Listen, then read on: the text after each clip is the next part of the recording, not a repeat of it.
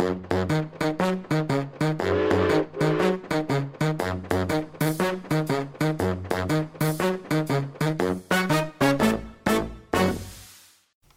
ønsker vi lytterne velkommen til en ny episode i eh, podkastserien 'Ekspedert' fra Ofoten museum. I dag er det jekter og eh, jektefart som er dagens eh, hovedtema.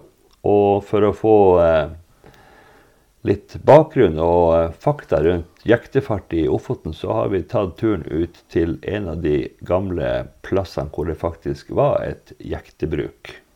Og det er på Virek. Og der er, det, er vi hjemme hos han Martin Indregard. Velkommen til oss, Martin. Takk skal du ha.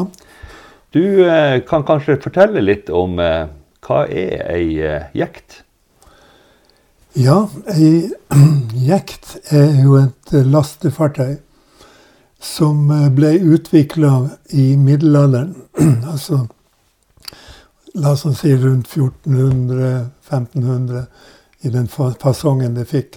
Det var et lastefartøy for å frakte det som vi skulle selges fra Nord-Norge, til de som var hovedoppkjøperne.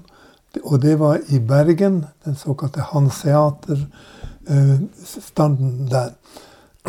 Så det var for å frakte tørrfisk spesielt. Eh, men også alle mulige andre ting. Skinn og ting man lagde her oppe. Eh, sørover. Og så frakte det nordover det som man trengte. Det kunne være korn, det kunne være kolonialvarer i nyere tid. Og alle slags metaller som man hadde bruk for her. Så det var hovedsaken med jekta. Et stort handelsfartøy, altså? Ja, det, og det er bra stort, for å si det sånn, selv etter våre dager. Eh, det, det var Ei god jekt var sånn rundt 20 meter lang. Ja. 60 fot, par 60 fot. Eh, og, og den var bygd brei, sånn at den skulle ta mye last. Så den var vel sju meter ca. Uh, midtskips. Ja. Så, eh, og så, så kan romme så mye last som mulig.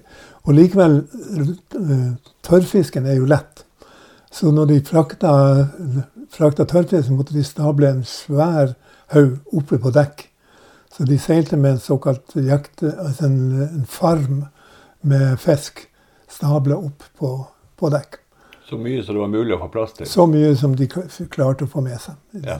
Og så et svært råseil over der for å sørge for eh, fart fremover. Ja. Det var råsel, Det ga noen begrensninger på hvor mye manøvrering de kunne gjøre med jekten. Og jekten var litt farlig fordi eh, de havna i, i kritiske situasjoner ofte på sjøen. Eh, og mange forliste. Mm. Men det fungerte jo. I mange hundre år var det liksom hovedmåten å frakte gods opp og ned fra Nord-Norge til Bergen. Så det var å hoppe på eh, nordavind så man kom seg sørover, og eh, vest og sørvest så man kom seg hjem igjen. Ja, det var jo faktisk sånne ting som ja. Eh, de her jektene var jo bygd i tre. Kanskje særlig furu, eller forra, som vi sier her i Ofoten. Ja. så de, de, ble bygd lokalt? De ble bygd lokalt, og spesielt der det var godt om høy, høye forratrær. Da kan jeg tenke meg Sjomen. Sjomen var en storleverandør av uh, til, til jekter. Okay. Men også i Salten og mange andre plasser var det, var det godt om jektebygging. Vi har jo en plass på Øyjord som heter Jektvik. Ja. Er det en sånn plass hvor man uh, kunne bygge ei jekt i løpet av en sommer? Om man bygde den, det tviler jeg i grunnen på. Men at man satte den opp Altså uh, både Jektvik og Jektnes på Ankenes. Ja Eh, er jo eh, typiske ord i dag som minner om at her brukte de å sette opp jekter. Så de ble dratt på land på høsten? På, om vinteren ble de dratt på land.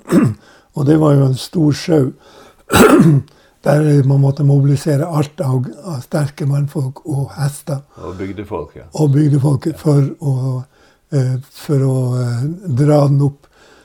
Det ble faktisk gjort avtaler mellom bygdefolk og jekteieren om at folk hadde plikt til å stille når jekta skulle settes opp. Ja, det kan jeg tenke meg.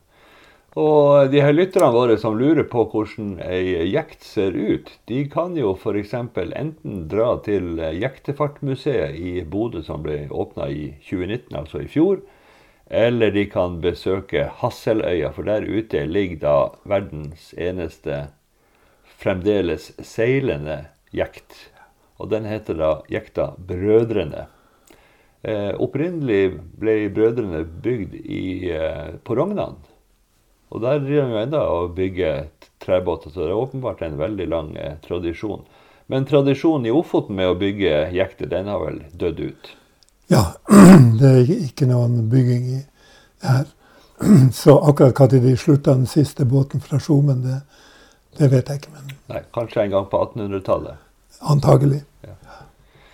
Og så eh, er det jo da den her jektefarten. Altså de, alle de her jektene fra hver eneste plass i, og fjord i Nord-Norge som skulle til Bergen og levere på, på våren.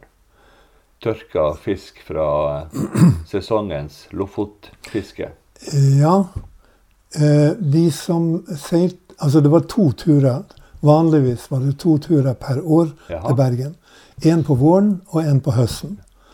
Og det var den turen på høsten der man fikk med årets fangst. Når det var blitt tørt nok, og salgbart nok, så, så tok man det om høsten.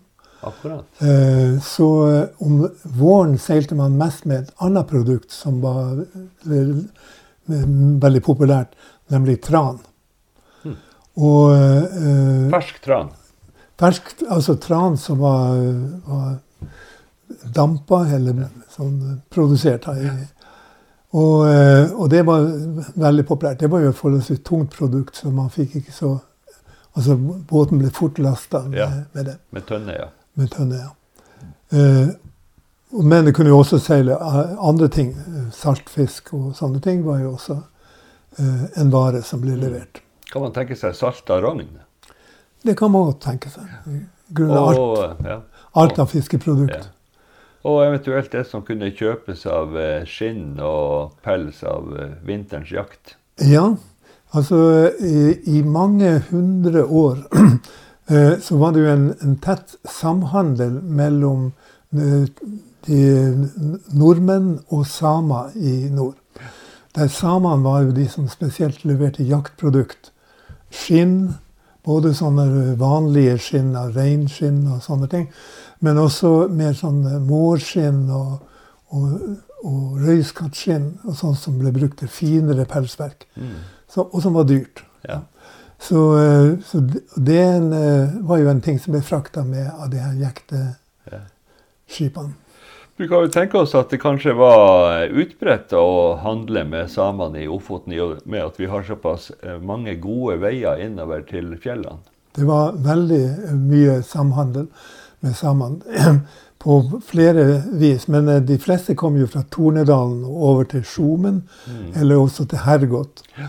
Eh, var plasser som det var tradisjon for samemarked, ja. som da var om sommeren. Uh, og da kom de jo ned med kløv. Altså de kløva det på, på reinsdyr og bar det til. Ja. Så, så det, det, det, var det mye av. Altså. Det førte også til at samene ville jo gjerne ha produkt som de var interessert i nordover. Og et av dem, i hvert fall i seinere tid, var at de ville ha uh, sånne klæs, um, klært tøy uh, i de fargene som, de, som, var populært hos dem. Okay. Så der, det var jo da å levere samiske farga klær. Ja. Uh, var en av de tingene som ja. jekteskipperen Så da kjøpte de klesstoff i Bergen. Mm -hmm. Og der var jo sikkert utvalget både stort og også at var, man kunne gå og finne gode priser på noe. Ja. Og, det ble jo jekteskipperen og jektestyrmannen som gjerne måtte stå for det, den delen og finne fram. Hvordan var det at Bergen og ikke Trondheim eh, ble liksom eh, sånn handelsby for Nord-Norge? Ja, da må vi enda lenger tilbake til, til 1200-tallet. Da ja. hanseaterne begynte Altså det er de nordtyske byene.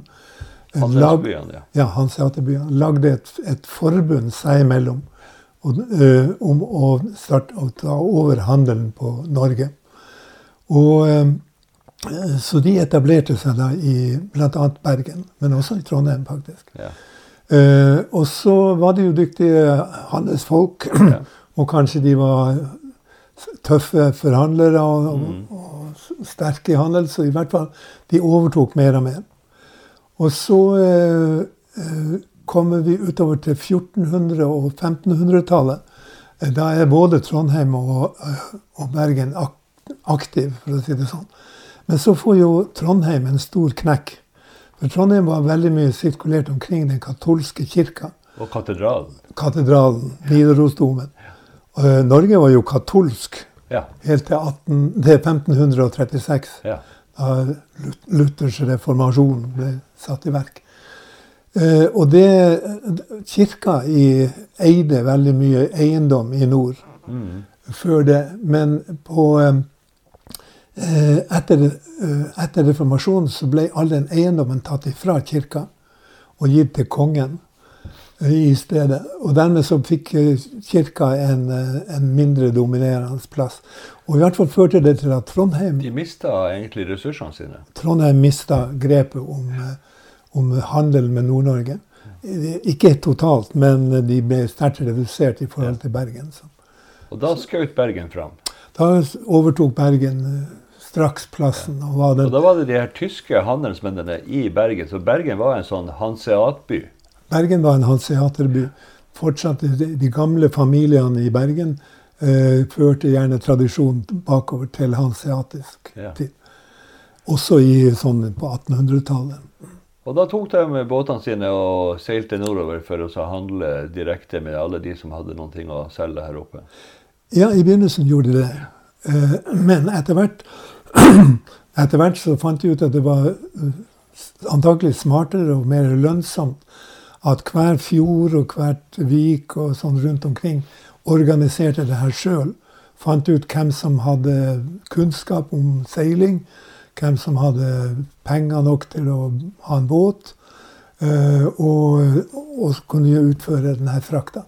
Mm. Og så utvikla det her jektefarten, den nordnorske jektefarten seg på den måten. Ja. Da, da havna jo også risikoen mer over på eh, nordlendingene sitt fang, så å si. Fordi at eh, nå måtte de sørge De fikk ikke betalt før lasta var levert på kai i Bergen.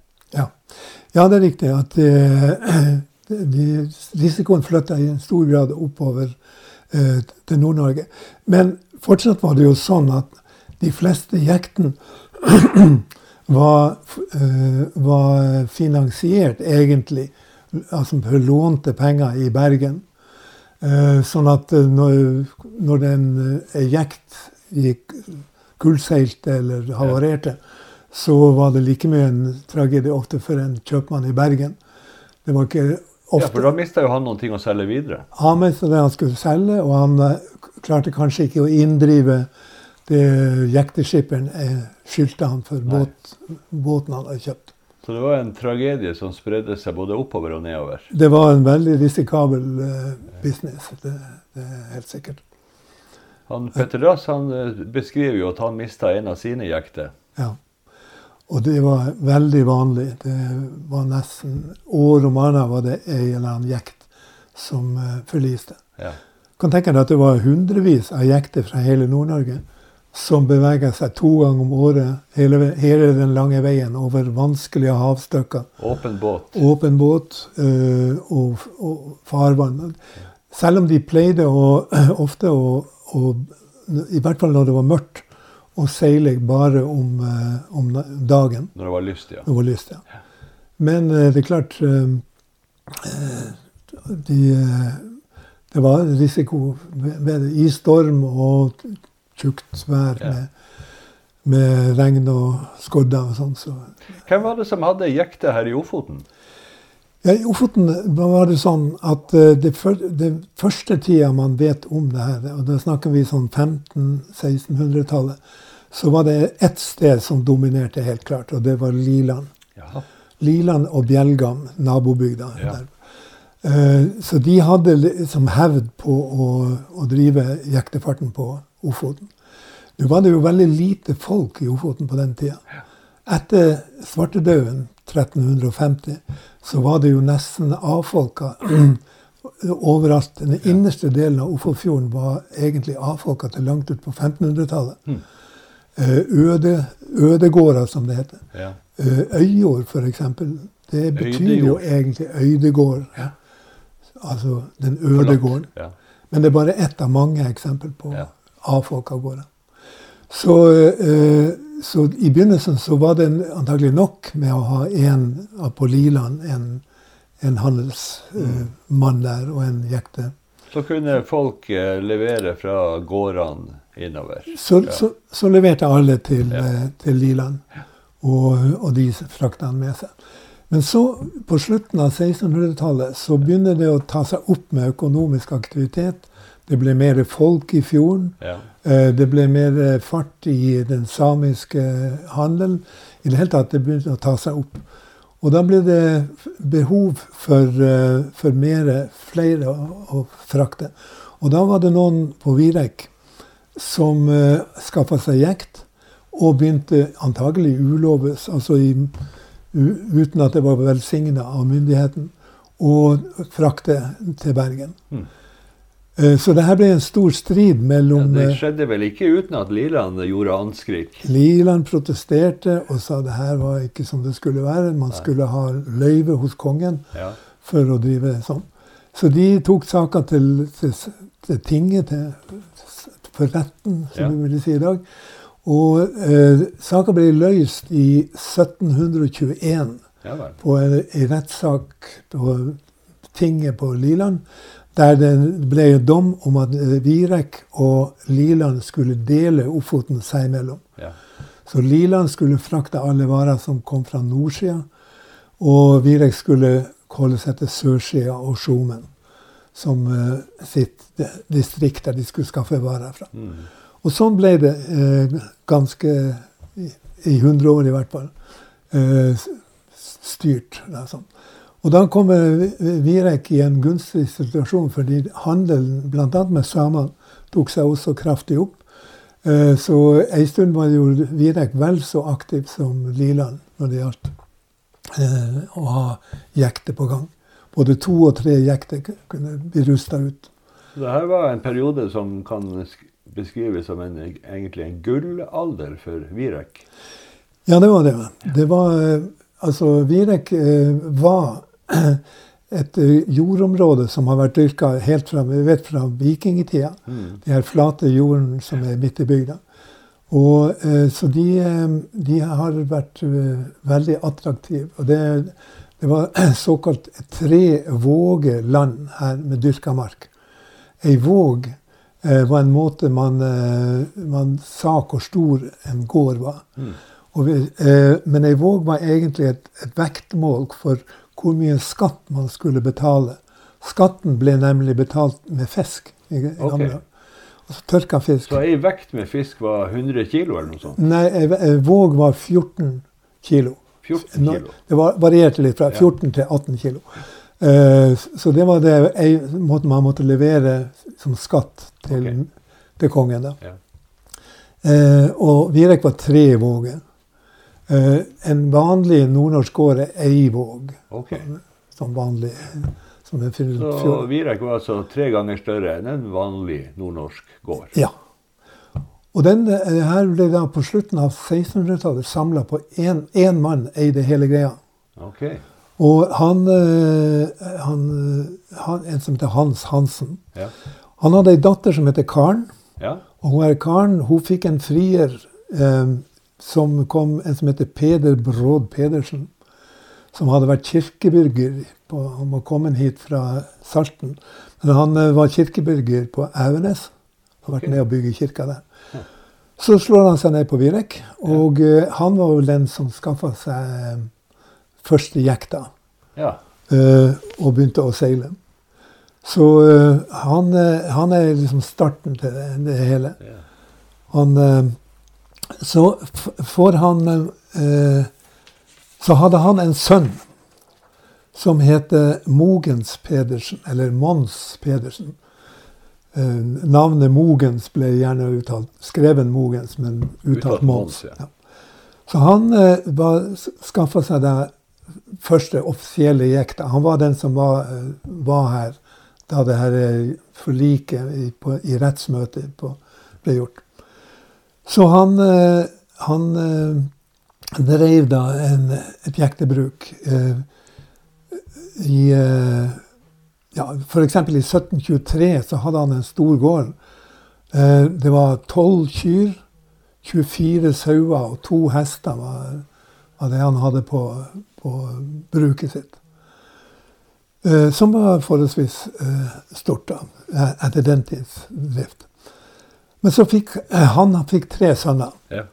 Og de tre sønnene ble da ble de som ble, dreiv jekte i glansalderen her på, på Slutten av 1700-tallet, da? Ja, altså han Mogens Pedersen han døde sjøl i 1742. Ja. Og det forliket det var i 1721? 1721, ja. ja. Så hans uh, sønner Han hadde hele gården. Ja. Hele, alle tre vågen. Mens uh, de, han delte da likt mellom de tre sønnene sine. Og det, det, er faktisk sånn det enda den dag i dag er, at vi enda snakker om iallfall to gårder som er lettkjennelige, som de Vågen som ble delt den gangen. Ja. Så um, Altså, da han, da han Mons Pedersen døde i 1742, så hadde han ei jekt med alt tilbehør. Så hadde han en slagbåt, som var en sånn frakt, liten båt for å frakte til og fra eh, jekta. Han hadde to komser, som var noen mindre typer eh, jekte, eller fraktebåt. En fembøring og to åttringer. Mm. Så eh, Godt beskaffa. Han hadde godt beskaffa. Han hadde et stort problem som har vært fast her på Virek. Ja.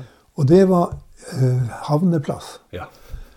Her er langgrunt. Her er langgrunt, her er glatt. Uh, leirbåten som skråner jevnt utover. Og østavind. Uten, uten stein, noe særlig ja. med stein. Sånn at å få ankra her var et kjempeproblem. Ja. Og Derfor hadde de ordna seg i Saltvik, på Saltviknes. Der er jo holmer og skjær og masse ja. gode viker å uh, ankre oppi. Så der hadde de jekten om uh, for havn. Ja, Så gikk de imellom, da? Så gikk de ikke de, imellom. Og de hadde jo ekspedisjonen sin her på, på Virek. Ja. På det, fra det som i dag, den dag i dag heter Bryggeberget. Ja.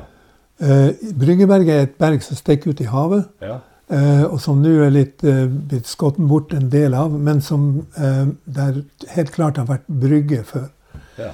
Vi ser, vi har funnet en del som er stolper som er slått ned i leira, som har vært liksom, bryggen rundt det. Og attom Bryggeberget ligger noe som heter Sjøbuvika. Der sjøbuen sto? Der sjøbuen sto. Og der man ja, drev og reparerte båter og hadde lager. Alt, utstyret? Alt utstyret. Sånn. Å gå med som met metallsøker i den bukta der er helt umulig. For, for det piper hele tida. Der, det, er så mye båtspiker som, eh, ja, ja, ja. som, er fylt overalt. Men altså, båtene sine hadde de i Saltvik. Og da så bygde de vei, kjøre, kjerrevei med, med bru over elva. Og eh, og, og, og, hadde transport frem og tilbake til Saltvik. Det må jo ha vært en av de første veiene i Ofoten? Ja, iallfall uh, mellom to bygder. Det, var, ja. det var, var, ikke så uvanlig å ha en intern bygdevei, sånn at uh, Slomnes hadde sin. og, ja. Og sånn. Uh, men, uh, men det her var da mellom to, to bygder. Ja, Saltvika lå vel den gangen i Ballangen, og Virek lå vel i Ankenes? ja. Eh, Anken, altså den Kommunen ble jo først delt i 1884. Ja, riktig. Så før det var det Ofoten fjæring. Ja. Kommune heter Fjæring på den tida. Så da var egentlig Ankenes, Evenes og Ballangen det var ett? Det var samme, ja. ja samme kommune. Så vi var jo Nå nærmer vi oss jo at kommunen vokser i størrelse igjen. Så ja, ny fjæring. Kanskje for en ny Ofoten fjæring. ja. Du, En annen plass som jeg tenker er bra å ankre opp ei stor, en stor båt, er jo Skjervika. Ja, ja de brukte Skjervika også. Ja. Så, så det, begge deler var i bruk for ankring. Ja. Men vinteropplaget uh, var nok ute med Saltvik. Mm. Hadde de noe sånn uh, kjerrevei som de hadde laga innover mot Skjervika? Ja, det finnes noen interne sånne veier, men de er litt enklere og litt sånn mm. mer primitive. Ikke Så hovedplassen var Saltvik? Hovedsamkvemmet var med Saltvik. ja.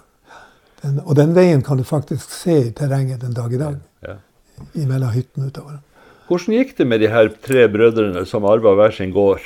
Ja, det gikk, eh, gikk som forskjellig, for å si det sånn. Ja. Eh, nei, altså, det var jo Én ting var å ha jekt. Og i utgangspunktet var, jo, var det jekta og jektefarten som var det viktige. Men det var to andre ting som, som etter hvert ble introdusert som eh, viktige. Det første var å ha handel. Ja. Altså drive vanlig handel. Nå må vi ikke forveksle det med sånn butikker i, i dag. Det var mer snakk om å ha ei bod der det var tilgjengelig med sånne ting som folk virkelig trengte. Salt, Salt, sukker, ja, sukker etter hvert som det ble sukker. Mel. Eh, mel var en viktig sak. Eh, fiskeredskap. Hamp var veldig viktig for, for å lage fiskeredskap. og tøy. Tøy var en annen vare, men det var jo også litt sånn luksus. Mm. For i utgangspunktet lagde man, så vevde man det tøyet sjøl. Vadmel. Vadmel og sånn. Men etter hvert kom det også, så det ble mer og mer aktuelt. Så det var sånne varer som, som kom. Det, fra 1700-tallet så begynte jo de her kolonialvarene å komme. Fra koloniene. Ja, fra koloniene. Ja. Kolonivarer. Krydder. Krydder var det ene. Eh, tobakk var Oi. det andre. Og det, men så, som ikke var kolonialvare, men som var en viktig del av handelen her, var brennevin. Mm.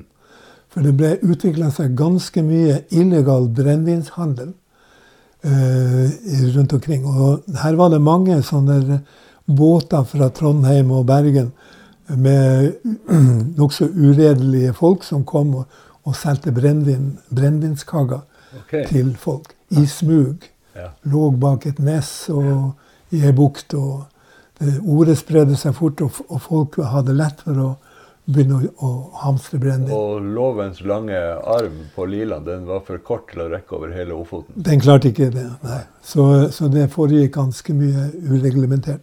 Det sies også om han, eh, om han eh, de første, altså han Mogens Pedersen, eh, og spesielt om enka hans, at hun drev en del med illegal sprithandel. Mm. Det finnes eh, bispevisitaser i Ankenes kirke som klager over at de brukte søndagen, når folk var samla, til å ligge med båt der og, og selge brennevin. Liksom. Så det her var jo en, eh, en, en farlig sak.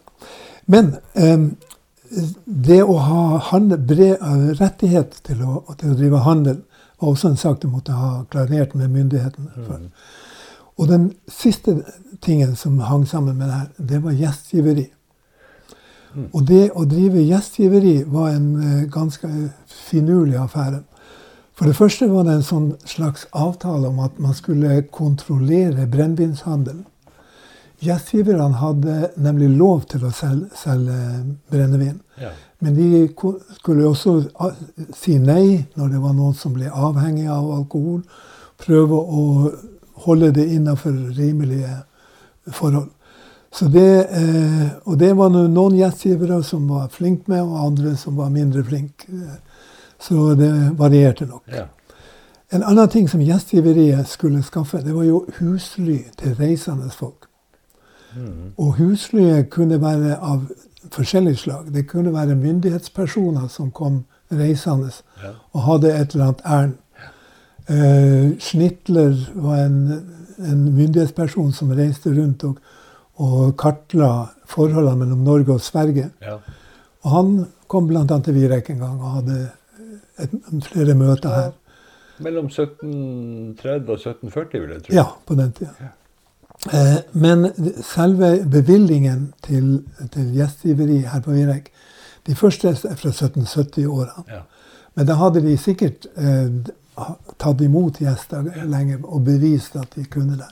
De hadde såkalte borgerstue, eller bårstue. Ja, det var, det var en del av forpliktelsen som de hadde. Det var å, eh, å ha ei borgerstue. Altså et lokale som sto til buds for folk som kom og skulle bare overnatte. Mm. De måtte, det var ikke noe, de, de la gjerne noen skinnfeller på noen benker så å ligge på, men det var ikke noe sånn at de fikk noe over seg. Det måtte de ordne sjøl. Ja. Men enhver borger kunne komme og, og tilbringe tid der. Og det var liksom en forpliktelse med å ha gjestgiveri. Mm. Så vi har da en, en Borstuhaug på Virek. Eh, borgerstua blir gjerne kalt for Borstua Ja. eh, i dagligtale. Mm. Så de her tre brødrene, han Peder, han eh, eh, gift, altså var en av de som hadde båt her. Han, Aksel Monsen Ja. var den andre, og han Hans Monsen var den tredje. Og de drev til dels sammen. At de eh, slo seg sammen og eide to båter sammen, f.eks.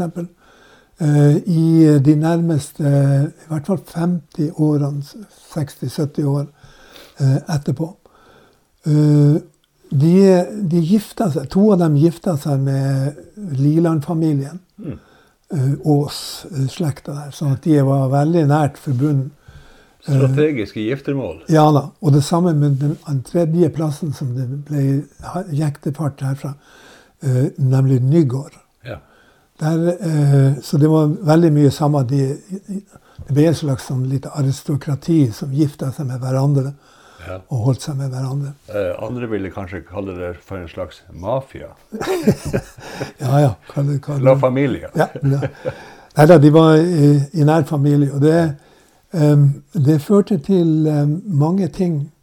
Og en av dem, som nå blir litt spekulativt fra min side, men et problem som de her tre brødrene fikk, det var at de fikk så lite unger. Ok. De eh, ble barnløse, og det kan ha med at eh, det var mye inngifte i de der familiene. At eh, søskenbarn gifta seg med hverandre, f.eks. Mm. Sånn at faktum er at de, et problem her ble, ved fortsettelsen ble at de, de, de ble ikke unge av det. Nei. Det, det er en liten historie som belyser han Hans Monsen. Han var gift med ei som heter Gjertrud Akselsdatter fra, fra Nygård. Ja. Og de fikk aldri noen gang. Nei. Men vi kan finne ut at hun Gjertrud spesielt hun har vært veldig glad i barn. For hun for rundt eh, og ble sånn eh, fadder, Ja. sånn eh, gudmor, til masse unger. 26 unger rundt omkring fjorden her og hun gudmor til. Det er jo helt utrolig. Ja, så, Og det forteller jo sånn indirekte en veldig historie om han. Hun Han- skulle gjerne ha hatt barn sjøl. Hun skulle ha barn sjøl. Men hun fikk aldri noen. Og hun slapp av han eh, Hans Jeg vet ikke om han var like glad i henne, men han var med, så han er medfadder i, i, på alle de her greiene. Um, nei, så, så gikk det sånn med han Peder. Han døde allerede i 1780. Og han, dattera hans hadde gifta seg med en, eh, en som heter Ole fra, eh, fra Herjangen. Ja. Men hun døde i sin første fødsel. Ai, ai, ai. Det var ganske vanlig, eller skjedde ofte i, eh, i den tida. Så dermed så går den greina ut. ut av han, men han, han Ole, han fortsatte jektefarten Ja. og ble en av de store. Ole Knutsen het han. Mm. Han, eh, Aksel Mogensen, han, eh, den, den, den midterste broren, Ja. si sånn, han eh, fikk en par-tre unger. eh, men ingen av dem eh, ble værende her. En, en døde ganske ung. En ble for, forelska i søskenbarnet sitt på nabogården. Ja. Og det de gjorde, var istedenfor å fortsette å bo her når de gifta seg etter hvert, det var å flytte til Beisfjord. Beisfjord var kontrollert eh, av Virek-slekten i mange år. Ja. Det var nærmest en slags sånn seterdistrikt. Hmm. De hadde beiter, de hadde utmarksslott ja. og sånt i Beisfjord. Og der slo han, eh, han seg ned. Så han, eh, Aksel han fikk heller ingen som, etlinger som ble her. ettlinger som ble her. Så eh, dermed så gikk det på en måte ut med, med slekten, altså de, de her slekten. Ja. Eh, eller Mo- Monsen-slekta. ja. Si. Det gikk bra i tre generasjoner. Ja. Og så var det slutt. Ja. Det endelige punktum, eller mest endelige punktum, kom under napoleonskrigene rundt 1810-1812. Eh, da, da, var fortsatt han Ole Knutsen aktiv med ei jekt. Eh, men, og sønnen hans, som heter Knut Olsen Aas. Eh, så de deltok Det var jo nødsår i Norge på den tida. Og det ble delt om en del korn som ble frakta sørfra, for folk hadde så lite korn. Ja. Og, og, de var aktive i den fordelingsgreia der. Så han Knut han fortsatte da til i 1839. Da omkom han og to av sønnene hans i et forlis ute på Ofotfjorden. Mm. Og dermed så var det endelige punktum satt for, for jekt og gjestgiveri på vei. Men uh, det var altså jekten uh, som starta det hele. Når du hadde et jektebruk, så fikk du handel. Og hadde du handel, så fikk du begynne å operere som uh, gjestgiver. Ja. Og det gjorde jo at plassen ble veldig attraktiv for folk, særlig kanskje mannfolk fra hele fjorden. Ja, det, det er klart. Her var Jobb å få. Her var jobb å få. Her, I 1801 så hadde vi jo et fullstendig manntall. over og da bodde det opptil flere sånne skippere og styrmenn. Sånn, og noen var herifra strøket, andre var fra Bergen. Og, og eh, sånn hadde slått seg ned. Ja. Det var for øvrig forbausende mye folk som, som reiste, flytta hit til Ofoten og Nord-Norge i det hele tatt på, i begynnelsen av 1800-tallet. Eh, Statsråd Morsling på Fagernes er jo et eksempel. Han dro med seg en masse andre. På Virek var det i tida etter de her eh, jektefolkene mm. var det sånn at du hadde folk fra Bergen, fra Hardanger, fra Gudbrandsdal og fra Trøndelag. Som på ei såpass lita bygd. Ja. Men eh, hvis du ser på statistikken over Ofoten i 1800 og, eh, 1801 ja. så var, så, Og så ser du liksom hva var de store stedene da. Nå kan man si hva var stort, så er det litt, eh, litt artig å se at den største plassen var Lenvik ja. i Bogen. Der uh, det bodde det 65 personer. Altså det som i, Der kirkegården ligger i dag? Omtrent der kirkegården, ja. ja. Sånn uh, like etter å ha passert krysset med avkjøringa mot Forra og Austervik? Ja. ja, riktig. Det er Lenvik. Så da, uh, Snubba heter vel også Lenvikmark? Ja, det heter Lenvikmark i gamle dager. Ja. Nei, Lenvik det bodde 65 personer. Det var det største stedet i Ofoten. Du slette tid, ja. Det nest største var Evenes prestegård. Ja. Altså det vi kaller for Evenes. Der bodde det 42 personer hmm. I 1801. Ja, mye folk. Det var en, eh, nærmest et tettsted, for å si det sånn. Men nummer tre var Virek. Oi. Og der bodde det 40 personer. Ja tre, fordelt på tre gårder. Det spesielle her var at det var så klumpa sammen i ja. bare tre hus.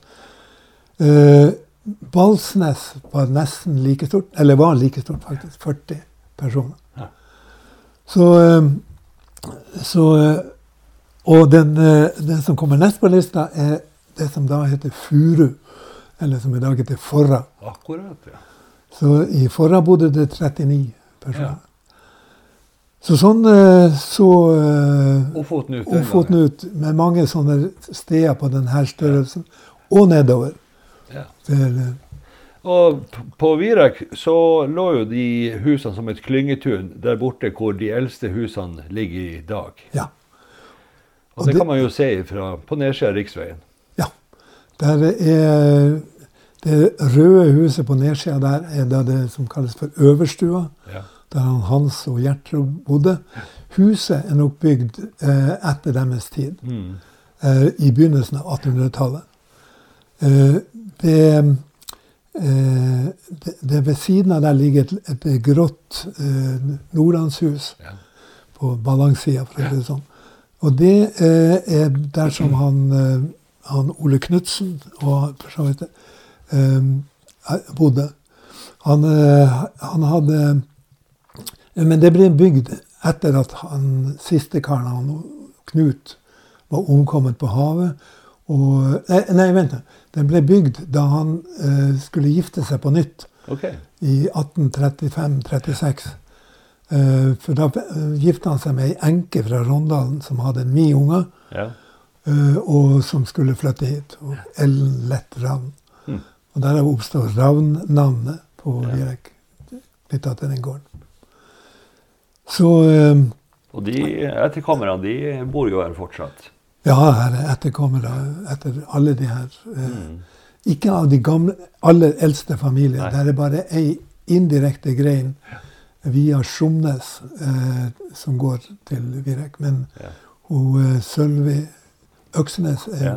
i slekt med, Akkurat. med den familien. Ja.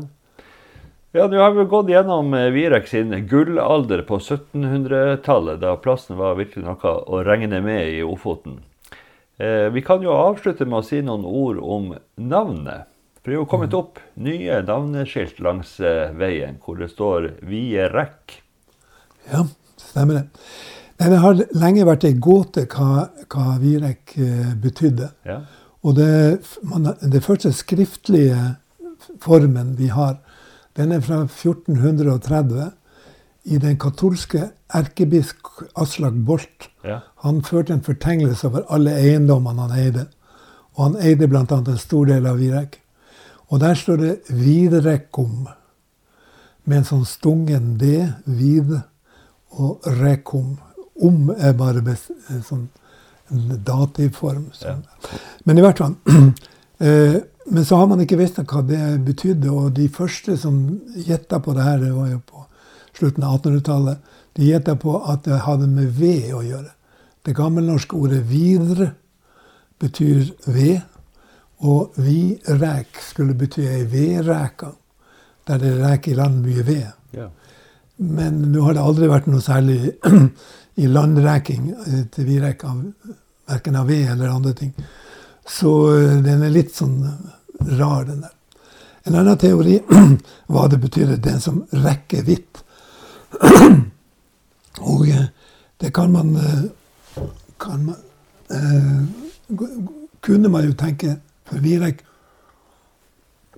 var lenge den, innerste gården som, innerste gården i Virek, som hadde innflytelse langt innover. Mm.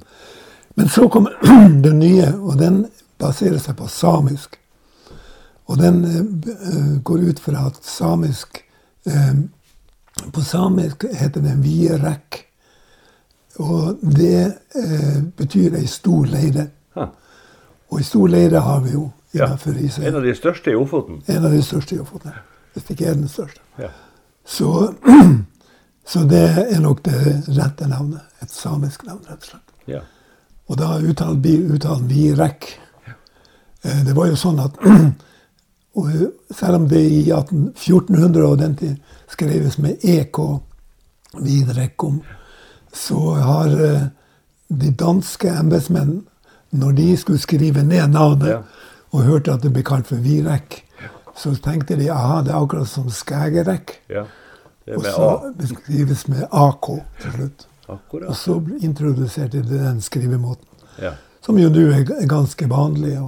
Ja, det er altså når, forsk, når eh, en, eh, en uttale først setter seg, så har den en lei tendens til å bli sittende. Så, eh, men nå vet i hvert fall folk at det er Virek. Virak er det korrekte gamle navnet. Ja. Virak har oppstått særlig etter at Narvik kom. For i Narvik ble det mye mer populært å kalle det for Virak. Mm. Så eh, vi har nå en dobbelttradisjon med Ja. Virak og Virek. Men eh, vi går for Virek. Ja, Virak er rett. Ja, da har vi eh, kommet til veis ende i denne podkastepisoden. Og eh, jeg har i hvert fall lært mye mer både om Virek og om jektefart. Takk skal du ha, Martin. Takk skal du ha.